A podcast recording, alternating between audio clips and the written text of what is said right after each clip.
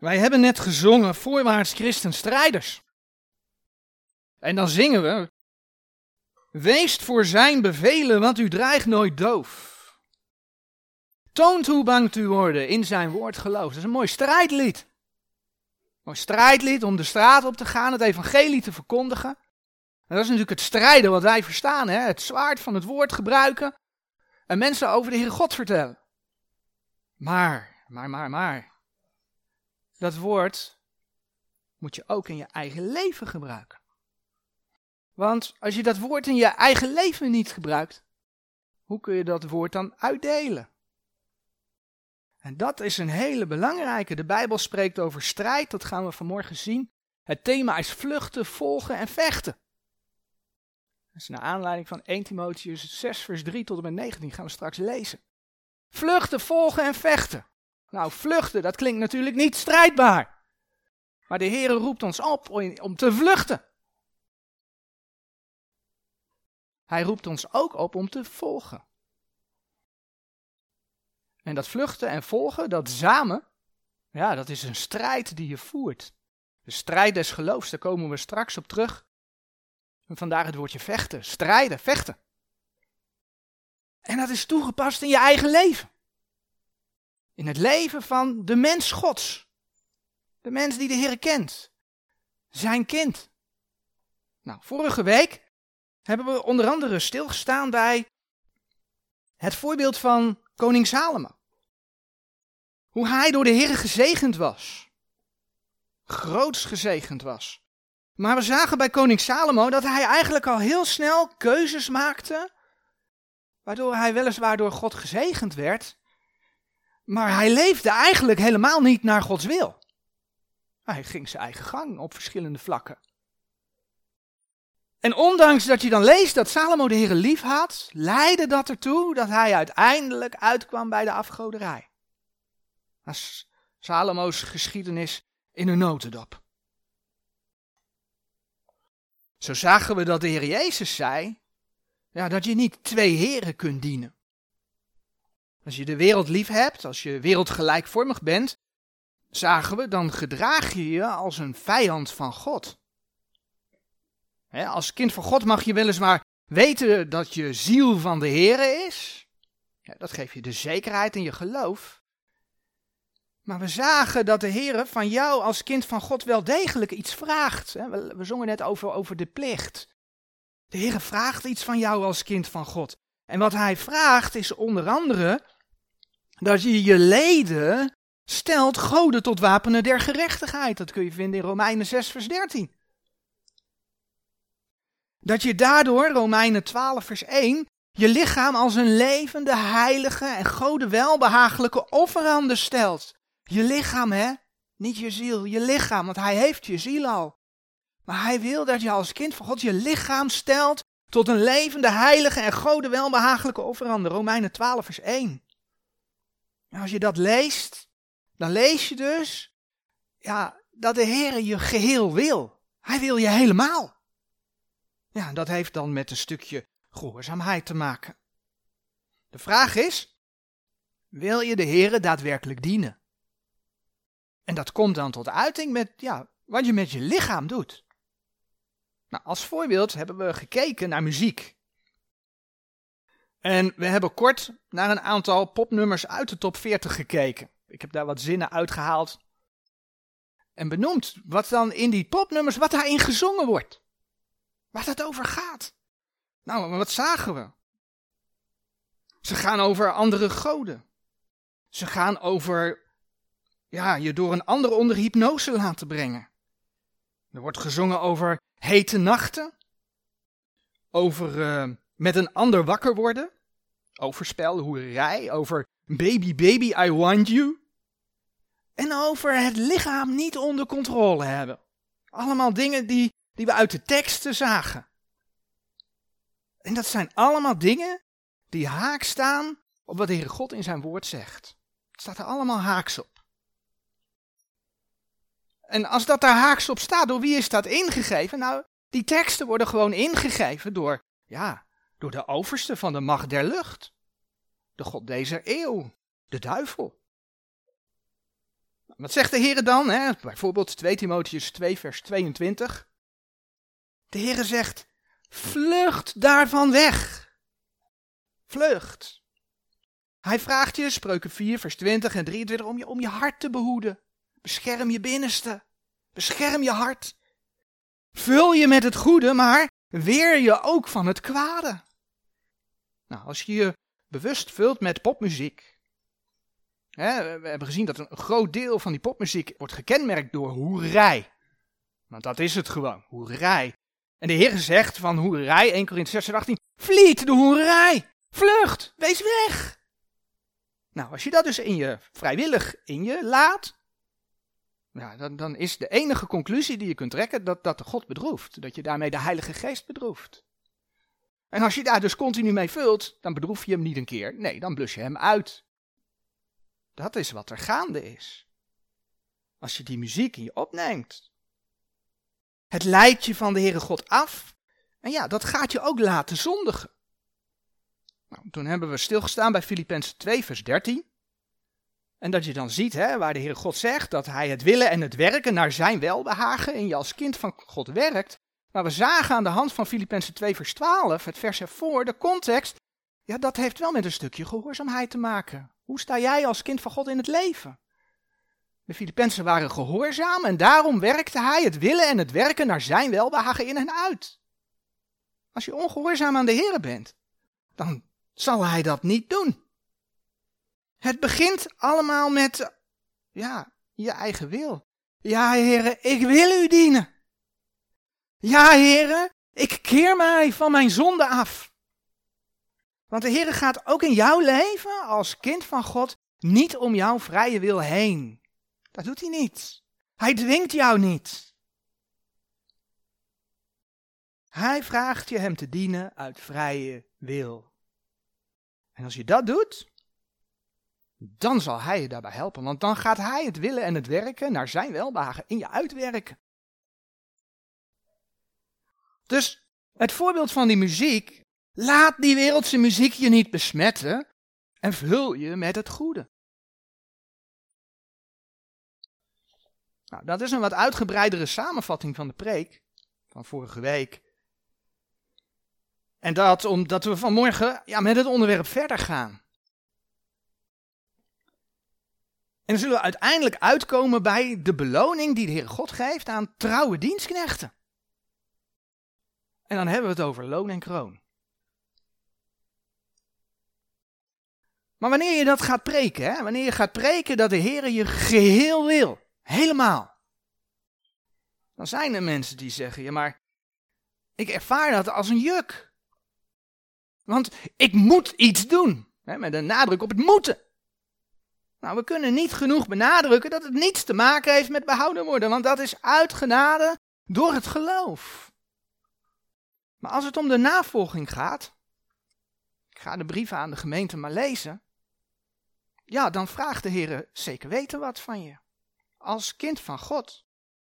En het zijn echte woorden van de Heer Jezus zelf, die in Matthäus 22, vers 37 zei, Gij zult liefhebben de Heer uw God met geheel uw hart, met geheel uw ziel en met geheel uw verstand. Dus niet met een beetje, niet met 50% en ook niet met 99%. Nee, de Heer zegt met geheel, met alles. 100% de Heer liefhebben. Alles. En ja, ik weet hè, dat zijn woorden voor het kruis. Ik weet dat zijn woorden voor de opstanding. Ik weet dat dat gesproken is voordat de gemeente er was. Maar, en dan bladeren we naar Romeinen 12, vers 1 en 2. Hetzelfde wordt dus bevestigd door de brieven aan de gemeente. We kwamen uit bij Romeinen 12, vers 1 en 2. Het zijn andere woorden, maar het spreekt over hetzelfde. Het gaat over hetzelfde als wat de Heer Jezus zei. Dat de Heer God je geheel wil. Helemaal. En dan wil ik graag nog stilstaan bij woorden die ik de vorige keer niet benadrukt heb. En het gaat eigenlijk om de laatste woorden van vers 1. Laten we het vers nog helemaal lezen. Vers 1, Romeinen 12, vers 1. Ik bid u dan, broeders, door de ontfermingen Gods, dat gij uw lichamen stelt tot een levende, heilige en gode welbehagelijke offerande. Daar hebben we het over gehad. Welke is uw redelijke godsdienst? Dat laatste stukje zegt, welke is uw redelijke godsdienst? De Heere vindt het dus heel redelijk dat je hem met je hele lichaam als een levende, heilige en gode welbehagelijke offerande dient. Hij zegt dat is, dat is redelijk dat je dat doet. Maar weet je dat het ook heel redelijk is als je beseft wat hij allemaal voor je gedaan heeft? Ik bedoel, de Heer God is in zijn zoon ook voor jou naar deze aarde gekomen.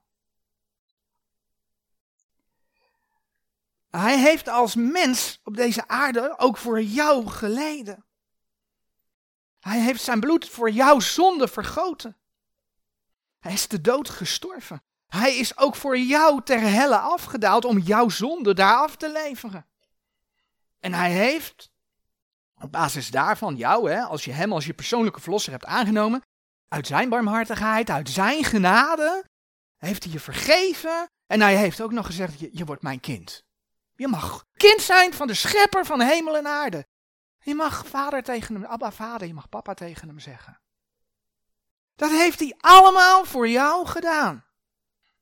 Hij heeft je uit zijn genade het eeuwige leven gegeven. Je mag uitzien naar een toekomst voor altijd bij hem. Je bent bevrijd uit de macht van de boze. Je hoeft niet meer te voldoen aan, aan de macht van de zonde. Je mag onderdeel zijn van, van Gods familie. Hij zorgt voor je.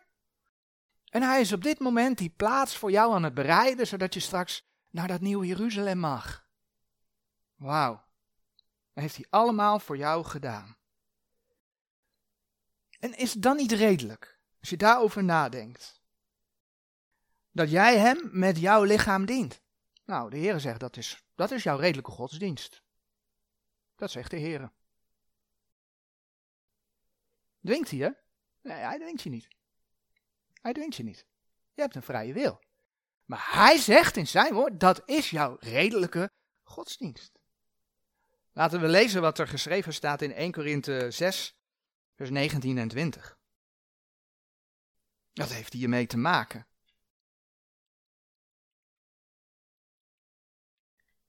...1 Korinthe 6, vers 19 en 20. Of weet gij niet dat uw lieder lichaam een tempel is des heilige geestes? Dat gaat dus over de gelovigen, hè? dat gaat niet over de ongelovige mens. Het gaat over kinderen van God. Weet gij niet dat uw lieder lichaam een tempel is des heilige geestes die in u is? Die gij van God hebt en dat gij uw zelfs niet zijt. Een woorden van vandaag de dag, dat gij niet van uzelf zijt. Je bent van hem, hij heeft je gekocht met zijn bloed. Staat in vers 20. Want gij zijt duur gekocht. Zo verheerlijkt dan God in uw lichaam en in uw geest, welke goden zijn. Je bent van Hem. En dan zegt de Heer, eer Hem. Verheerlijk dan God in uw lichaam. Nou, als je beseft dat Hij ja, dat allemaal voor je gedaan heeft, weet je, dan wil je dat ook. Dan wil je dat ook. Alleen als gelovige, en dat is wat je ja, ook in de brieven van de gemeente heel duidelijk ziet, als gelovige heb je nog steeds te maken met die oude mens. En die oude mens heeft ook een wil. En die wil het eigenlijk liever niet. En dat is de strijd. Die oude mens, die, ja, die door je vlees hè, zo lekker op je gevoel kan inwerken. Eigenlijk zoals Paulus dat omschreef in Romeinen 7. Die versen citeer ik wel vaker, maar ik haal er nu even specifiek vers 18 uit.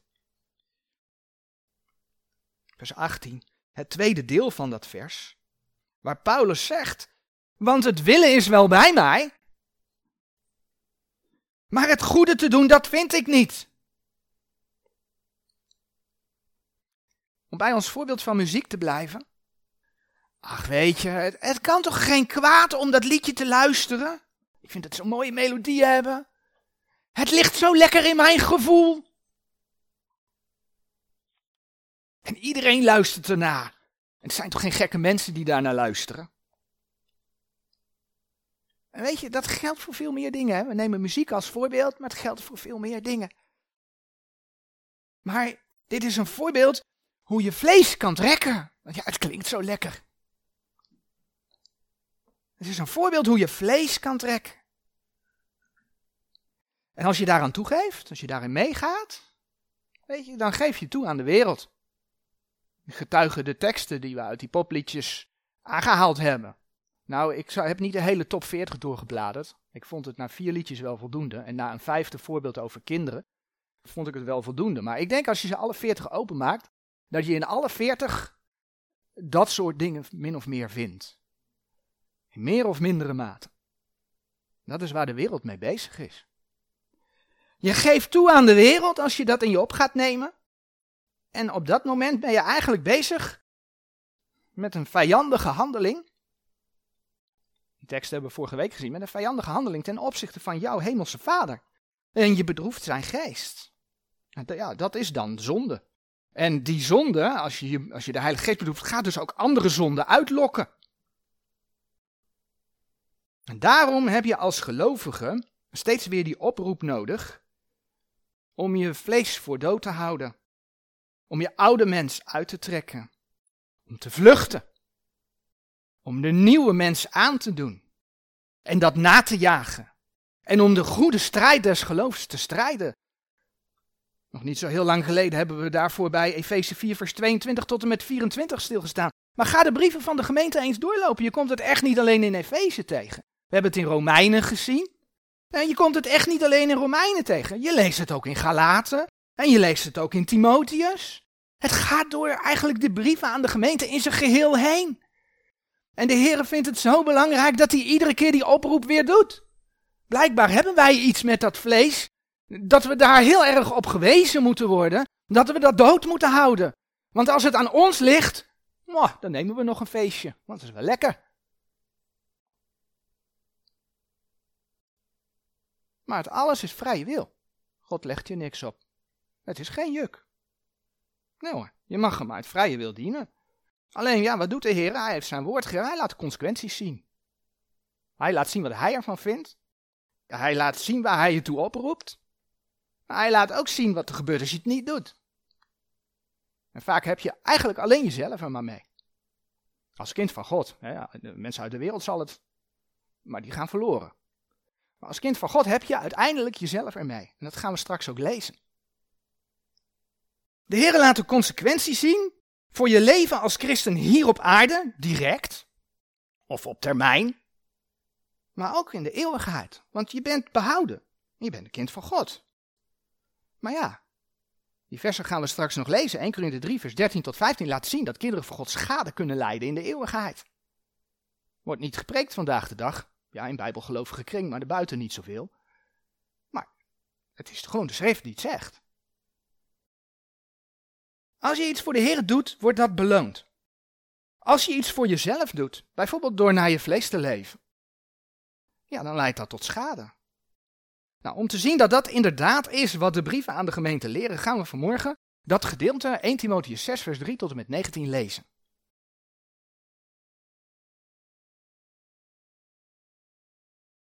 1 Timotheus 6 vanaf vers 3.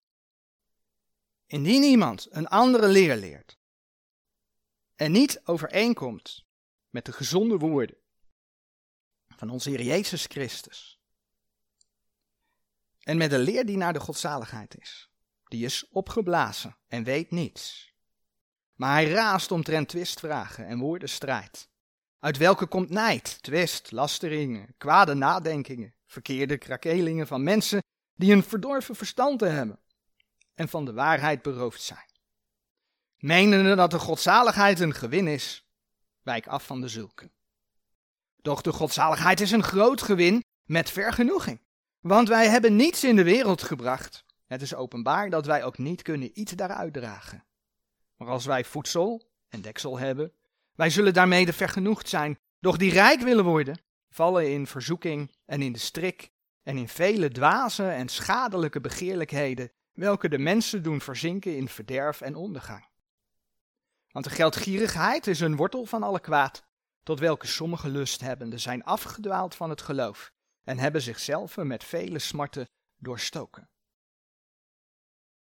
Maar gij, o mens, vliet deze dingen en jaag na gerechtigheid, godzaligheid, geloof, liefde, leidzaamheid, zachtmoedigheid.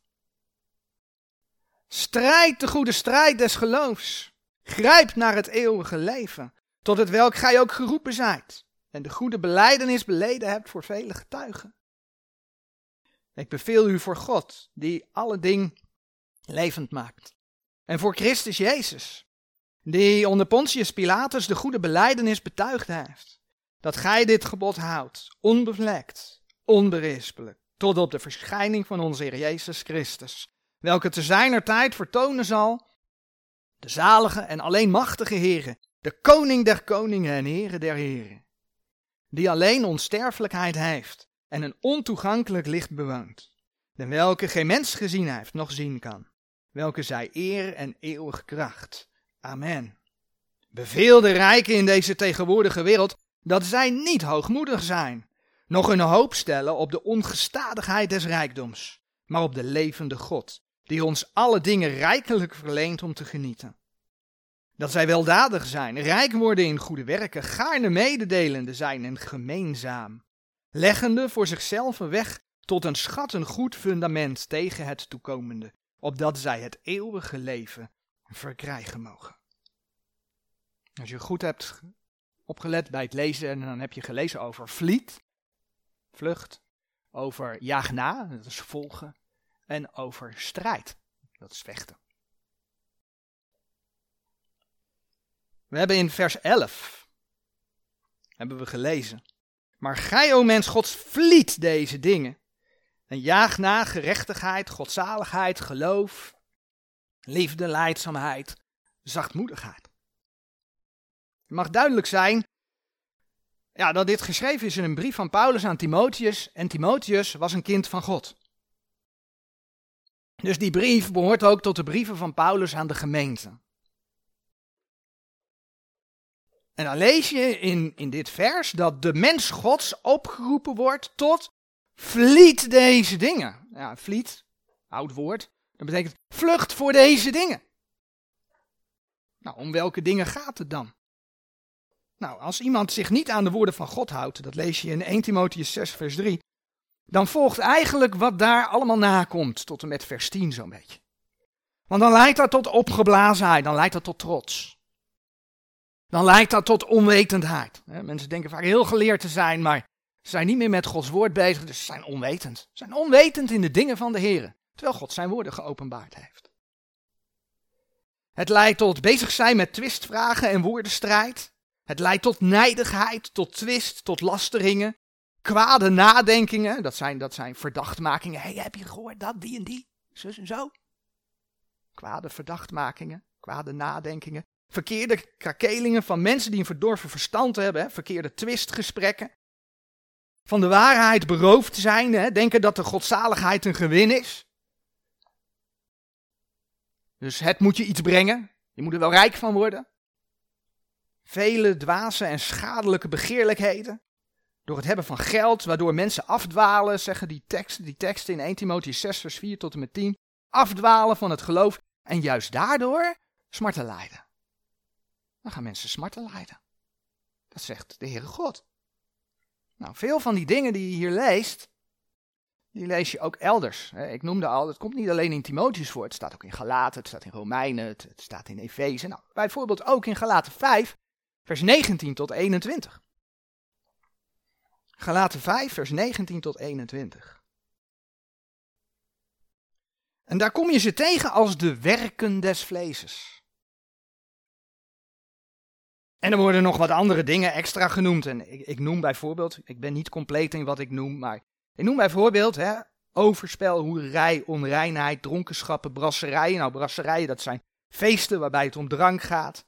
En dergelijke staat er dan. Dus ook de lijst in de Bijbel is niet eens compleet. En dergelijke. Maar het mag duidelijk zijn, uit wat er in 1 Timotheus 6 vers 3 staat, en wat daarna volgt, dat als je niet buigt voor Gods woord, als je het wel gelooft. Als je niet buigt voor Gods woord. Dat je dan dus bezig gaat met het vlees. Je gaat bezig met het vlees. Wat zei de Heer Jezus ook weer? Je kunt niet twee heren dienen. Ja. Dus als je niet buigt voor het woord, dan ga je bezig onherroepelijk met het vlees. En het vlees, dat heeft te maken met geld, met rijkdom, zie je in de christelijke wereld ook. De ene kerkgebouw moet nog groter zijn dan de andere. En wij bouwen een mooie kathedraal. En dan denk je bij kinderen gods uit te komen. Onlangs las ik daar een berichtje van in de krant. En dan verwijten ze het bestuur van het zoeklicht dat ze niet geestelijk zijn. Omdat het bestuur van het zoeklicht besloten heeft om hun dure pand, wat een monument is, af te doen. En dan worden er acties op touw gezet. Ik weet niet of ze het uitgevoerd hebben, maar dat stond wel in het krantenartikel.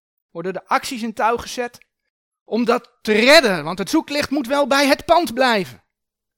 Hoezo een pand? Wat als zij hun abonnementsgeld van de leden daadwerkelijk voor hun activiteiten kunnen inzetten als ze het dure pand wegdoen? Dat is bezit. Dat is geld. Dat is status. Dat is waar de vleeselijke christen mee bezig is. En dan verwijten ze degene die, nou, op grond van Gods woord zegt, misschien moeten we het van de hand doen. Die verwijzen ze naar, naar jullie zijn niet geestelijk. Dat is de boel omdraaien. Dat is de boel omdraaien. En zo zijn mensen bezig. Zo zijn mensen bezig.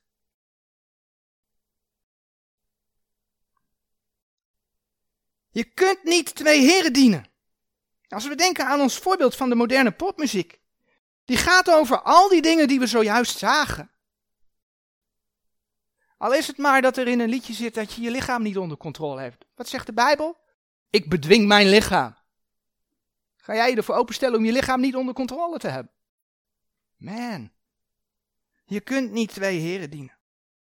Als je denkt aan die muziek, die gaat dus over al die dingen wat niets met die godzaligheid te maken heeft. Wat is godzaligheid? Het tot eer van de Heer leven. Heeft er niks mee te maken. Ja, en gaat dat tot leiden? Nou, dat hebben we gelezen. Gaat tot nijdigheid leiden. Gaat tot twist leiden. Gaat tot dwaze en schadelijke begeerlijkheden leiden. Want ja, je vult je met iets. Dat gaat je gedachten vormen. En dat ga je uitleven. En dat leidt dus tot smarten. Nou, in dit Bijbelgedeelte, hè, 1 Timotheus 6, daar waarschuwt de Heer de rijken. Dat lezen we in 1 Timotheus 6, vers 9. Mooi, denkt iedereen. Dat is niet voor mij. 1 Timotheus 6 vers 9. Doch die rijk willen worden, vallen in verzoeking en in de strik. Zie je wel, ik ben niet rijk, dus ik val ook niet in de verzoeking. En in vele dwaze en schadelijke begeerlijkheden, welke de mensen doen verzinken in verderf en ondergang. Wij worden misschien hè, in deze westerse wereld misschien niet als rijk gezien. Maar als je beseft, kijk maar in 1 Timotheus 6 vers 8, dat de Heer zegt dat het voldoende voor je is om voedsel en deksel te hebben. Dat je daarmee blij en tevreden behoort te zijn. Misschien besef je dan hoe rijk je eigenlijk bent. Want als eerste, je mag een kind van God zijn. Hè, zoals we hier zitten. Hebben we, voor zover ik weet, allemaal de Heer Jezus aangenomen. Dus je, je mag een kind van God zijn. Hoe rijk ben je dan? Nou, ik snap het, dit gaat over geld. Maar kijk wat je allemaal hebt. Je hebt een huis. Je hebt te eten en je hebt kleding. De Heere God zegt, wees blij en tevreden.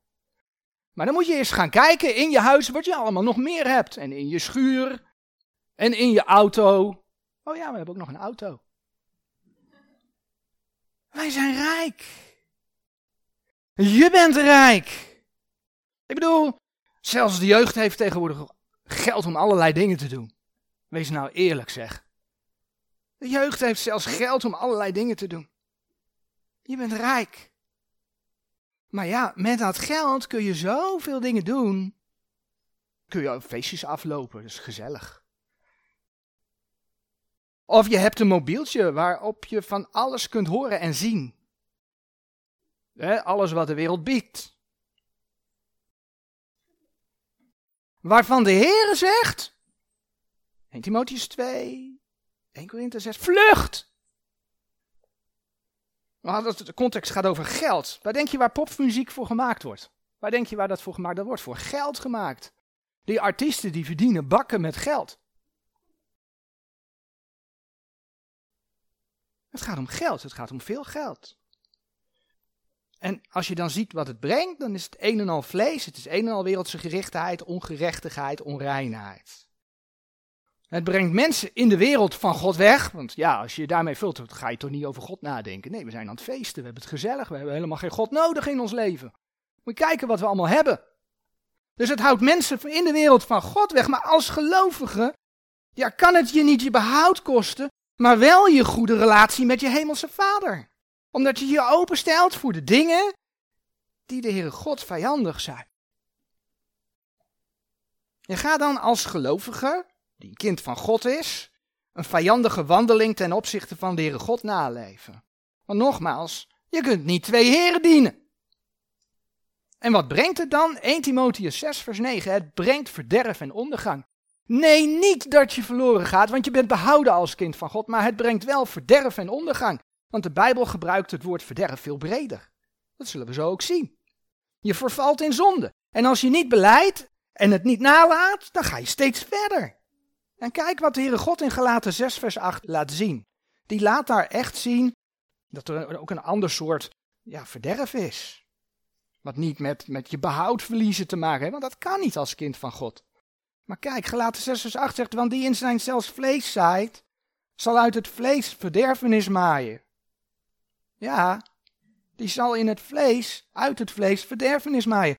Maar die in de geest zaait, zal uit de geest het eeuwige leven maaien. Het gaat niet over de wereld, dit gaat over kinderen van God. En uiteindelijk kost het je zelfs je erfenis in de eeuwigheid.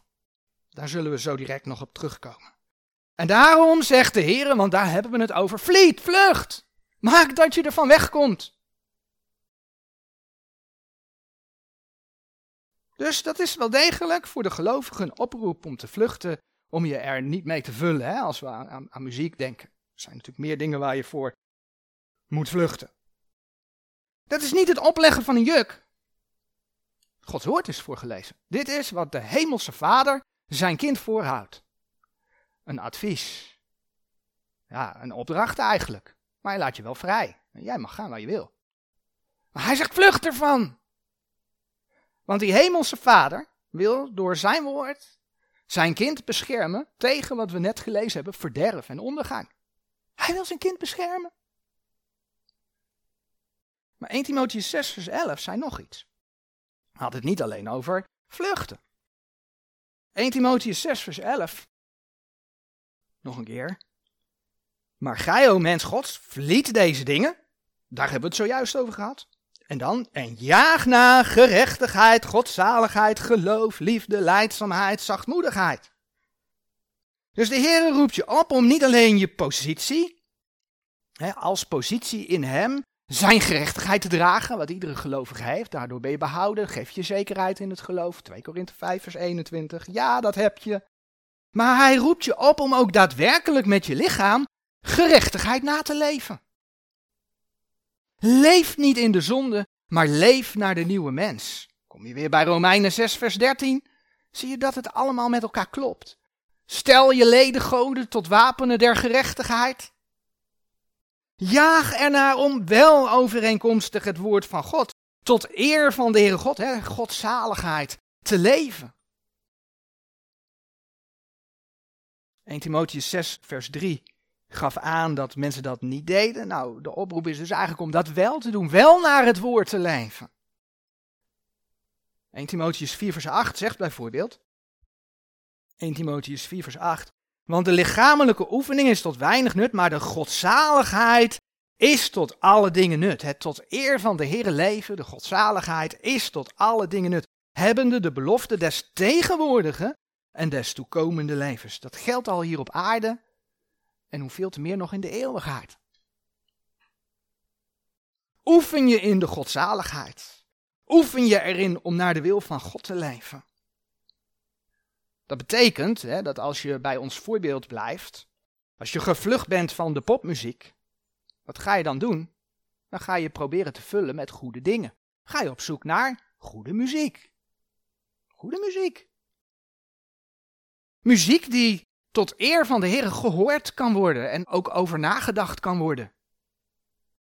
Die je dus vult met goede dingen en je daardoor ook helpt om vervuld te zijn met de Heilige Geest. Vervuld te blijven met de Heilige Geest. Ik ben niet compleet in mijn verhaal, hè, want daar hoort natuurlijk ook bij dat je Gods woord leest en zo. Maar we hebben nu even als voorbeeld muziek. Je weert het kwade en je vult je met het goede. En dat geldt in zoveel dingen. We hadden het al over dat dit stuk gaat over de rijken der wereld. 1 Timotheus 6 vers 9. Nou, geld op zich is niet verkeerd. 1 Timotheus 6 vers 17 zegt, je mag ervan genieten. Als je het hebt, mag je ervan genieten. Weet je wat wel verkeerd is? Dat is 1 Timotheus 6 vers 10. Dat is geldgierigheid. Dat is, met andere woorden, de liefde voor geld. Want zodra jij geld gaat lief krijgen, kun je de heren niet dienen. Je kunt niet twee heren dienen.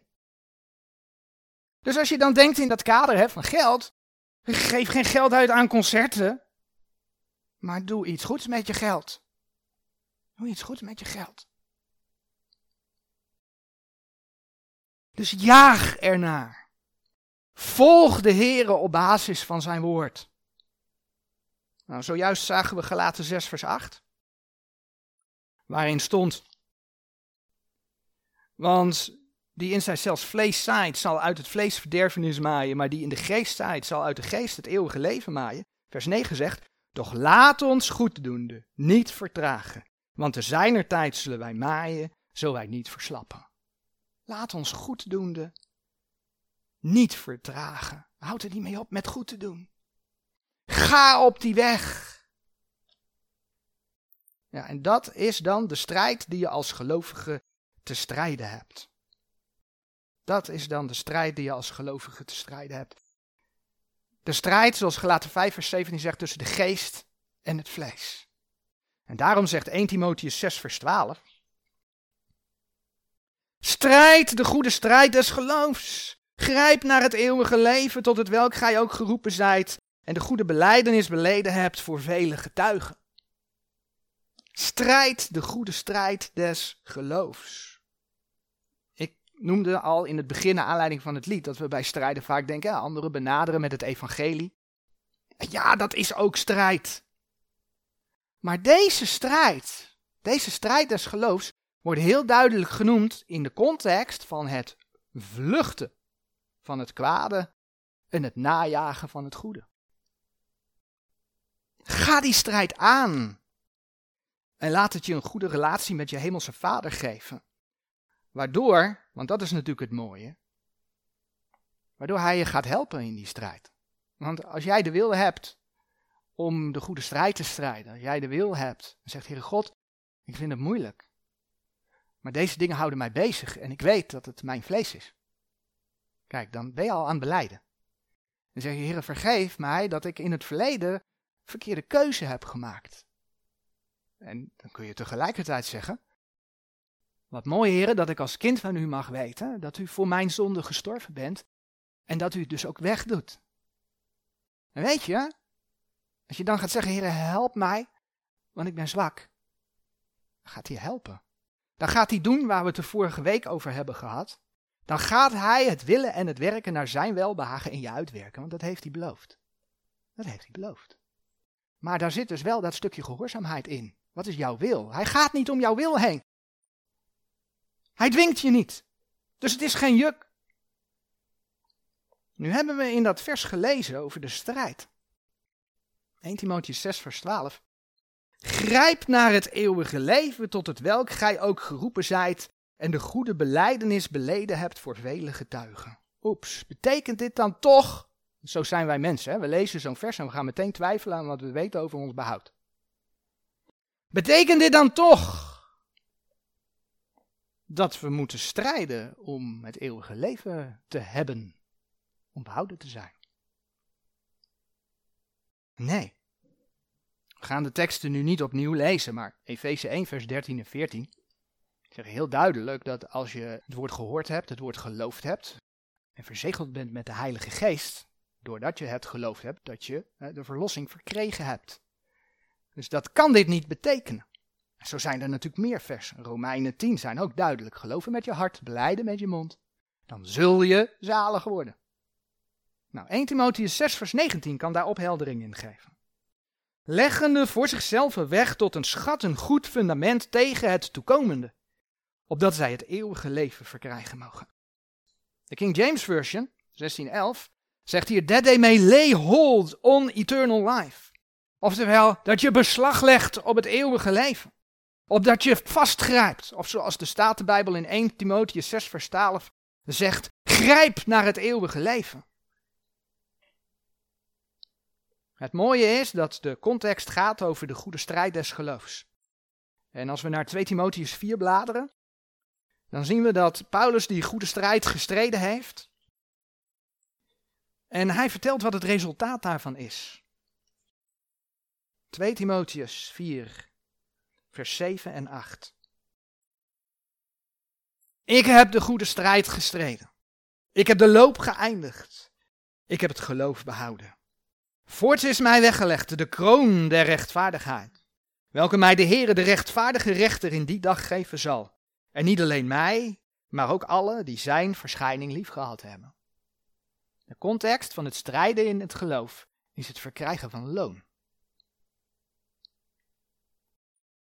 Door Paulus' volharding had hij het geloof behouden en was hij de Jezus blijven verwachten. En daarvoor krijgt hij loon. Daarvoor heeft hij vrucht ten eeuwige leven vergaderd. Dat vind je bijvoorbeeld heel mooi zo verwoord in Johannes 4, vers 36. In dit geval, in deze verse, betreft het de kroon der rechtvaardigheid. En dat is dus het verkrijgen van de kronen, is dus het wegleggen tot een schat, een goed fundament tegen het toekomende, wat we in 1 Timotheus 6 gelezen hebben. Dus Paulus verbindt aan de roep van het eeuwige leven te grijpen de opdracht om de goede strijd te strijden dus je kunt grijpen naar het eeuwige leven door te volharden in je dienst aan de Heer Jezus. En dat betekent dus niet dat je behouden wordt, want als kind van God ben je behouden, maar dat betekent wel dat je loon krijgt. Het grijpen naar het eeuwige leven is dus het grijpen van je toekomstige beloning. Of zoals de Heer door Paulus zegt in Filippenzen 3 vers 14. Filippenzen 3 vers 14.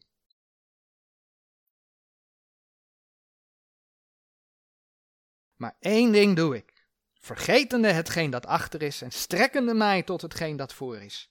Jaag ik naar het wit, tot de prijs der roeping Gods, die van boven is in Christus Jezus. Paulus was met één ding bezig, aan het jagen op het doel. De prijs der roeping Gods. Daar was Paulus mee bezig. En daar gaat dit over. Daar gaat dit over.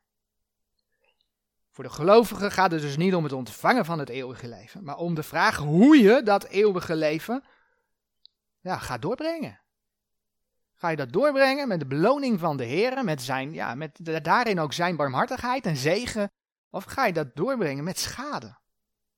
Nou, nu hebben we het over het vlees in deze studie. Dus ik wil gaan kijken naar een kroon die ook met dat vlees te maken heeft. En die vinden we in 1 Korinthe 9.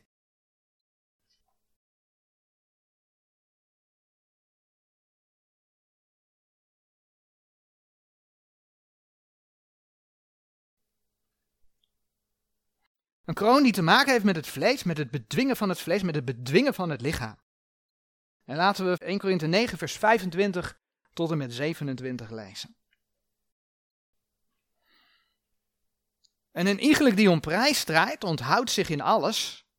Deze dan doen wel dit, opdat zij een verderfelijke kroon zouden ontvangen, maar wij een onverderfelijke. Ik loop dan al zo, niet als op het onzekere, ik kamp al zo, niet als de lucht slaande. Maar ik bedwing mijn lichaam en breng het tot dienstbaarheid, opdat ik niet enigszins, daar ik anderen gepredikt heb, zelf verwerpelijk word. We zagen reeds dat als je vlees volgt, ja, dat dat ook in het leven van de gelovige tot een vorm van verderf en ondergang leidt. 1 Timotheus 6 vers 9, Galaten 6 vers 8. Nou, Paulus zegt in 1 Korinthe 9 vers 27 dat hij zijn lichaam bedwong opdat hij niet verwerpelijk zou worden. En dat was in dit leven zo. Hij had anderen gepredikt. Ja, als je anderen predikt, moet je er ook zelf naar leven. Maar het heeft dus zelfs betrekking op de eeuwigheid. Want die context spreekt over die onverderfelijke kroon waar hij voor streed. Nu heb ik onlangs gesproken over het feit dat je als gelovige moet reinigen en heiligen om een goede relatie met je hemelse vader te hebben. Is op basis van de tekst, 2 Korinthe 7 vers 1, heb ik toen vergeleken met 1 Johannes 1 vers 9. Om te zien dat dat over hetzelfde gaat. Het zondebeleiden, vergeving vragen. 2 Korinthe 7 vers 1 zegt, laat ons onszelf reinigen van alle besmetting des vleeses en des geestes, voleindigende de heiligmaking in de vreze Gods. Waarom je zonde beleiden? Omdat het dan weg is. Anders zul je die, en dat laat de schrift zien, alsnog voor de rechterstoel van Christus moeten wegdragen. Nou, daar heb ik vragen over gehad. Want hoe kun je nu vergeven zijn? En alsnog zonde moeten wegdragen. Nou, ik heb toen laten zien dat de Heer in zijn woord zegt dat je ziel vergeven is. Je ziel is vergeven. Je ziel is vergeven als jij een kind van God wordt. Dan draag je ook Gods gerechtigheid, jouw ziel, hè? jouw vlees niet. Als je kijkt wat er onder christenen gepresteerd wordt, dat vlees dat draagt echt Gods gerechtigheid niet. De Heer vraagt jou wel om dat na te jagen. Maar jouw ziel draagt Gods gerechtigheid. Jouw ziel is vergeven. Dat maakt dat je behouden bent. Maar wat je met je lichaam doet, ja, dat zegt de Heer God toch echt, dat zul je voor de rechterstoel van Christus moeten wegdragen. En daarvoor bladeren we naar 2 Korinthe 5 vers 10. Onthoud dus hè, dat Paulus in 1 Korinthe 9 vers 27 zegt dat hij zijn lichaam bedwong om niet verwerpelijk te worden. Nou, en dan lees je in 2 Korinthe 5 vers 10, dat gaat weer over het lichaam. 2 Korinthe 5 vers 10. Want wij allen moeten geopenbaard worden voor de rechterstoel van Christus, opdat een iegelijk wegdragen hetgeen door het lichaam geschiet, nadat hij gedaan heeft, nadat hij gedaan heeft. Het zij goed, het zij kwaad. Ja, dat staat er. Paulus bedwong zijn lichaam. Als hij dat niet gedaan had, zou hebben, dat is hè? als hij dat niet gedaan zou hebben, dan had hij vergeving moeten vragen door zijn zonde te beleiden. Om op die manier, wat 2 Korinthe 7 vers 1 zegt, zijn geest en lichaam te reinigen. Deed hij dat niet, als hij dat niet gedaan had, dan had hij dat dus voor de rechterstoel van Christus moeten wegdragen.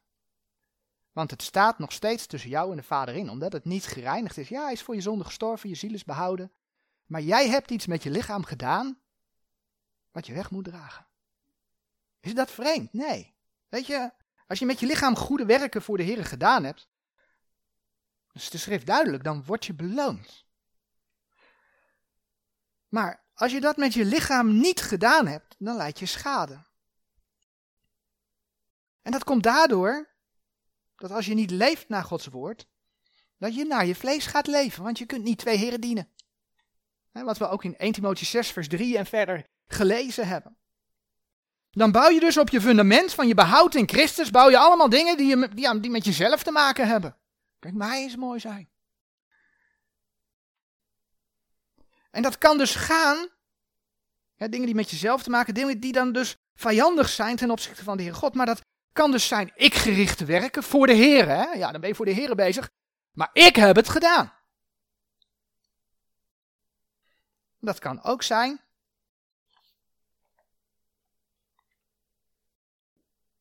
Regelrechte werken van het vlees. Gewoon dingen die je met je vlees gedaan hebt omdat je je lichaam niet bedwongen hebt. En dan zegt 1 Korinthe 3 vers 13 tot en met 15.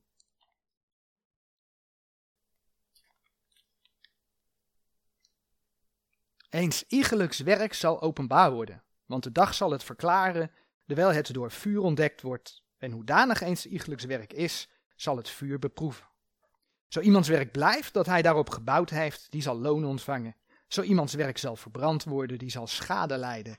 Maar zelf zal hij behouden worden, doch al zo als door vuur.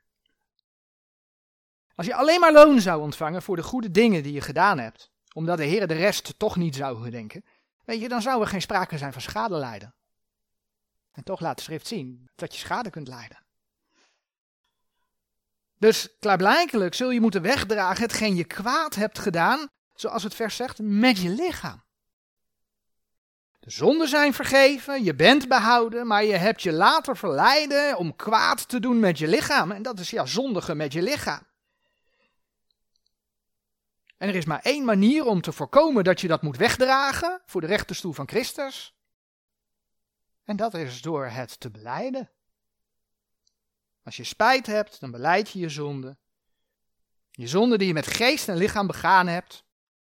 Dus niet alleen dat je het gedaan hebt, maar ook dat je de foute keuze gemaakt hebt, want dat gebeurt in je hart, in je geest. 2 Korinther 7 vers 1 en dan is het weg. En omdat het weg is, hoeft het niet meer verbrand te worden. Maar zie hoe mooi eigenlijk de Heere God geeft dat je altijd bij hem terug kunt komen als kind van God? Je mag bij hem terug, je mag zeggen, Heere, ik heb dom gedaan, vergeef me.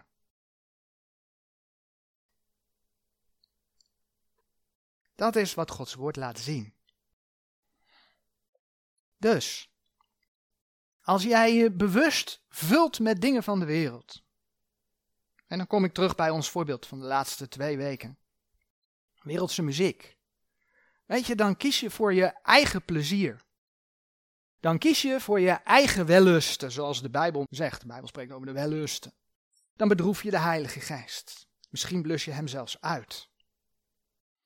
En de Heere zal dan niet het willen en werken naar zijn welbehagen in je uitwerken. Dat doet hij dan niet.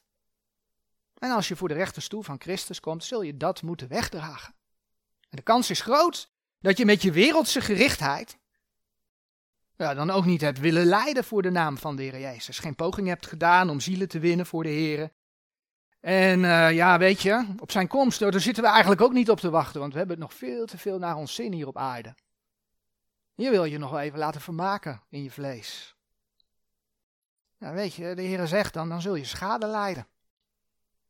Omdat je wegdraagt wat je met je lichaam ten kwade hebt gedaan. Omdat je niet gebogen hebt voor zijn woord.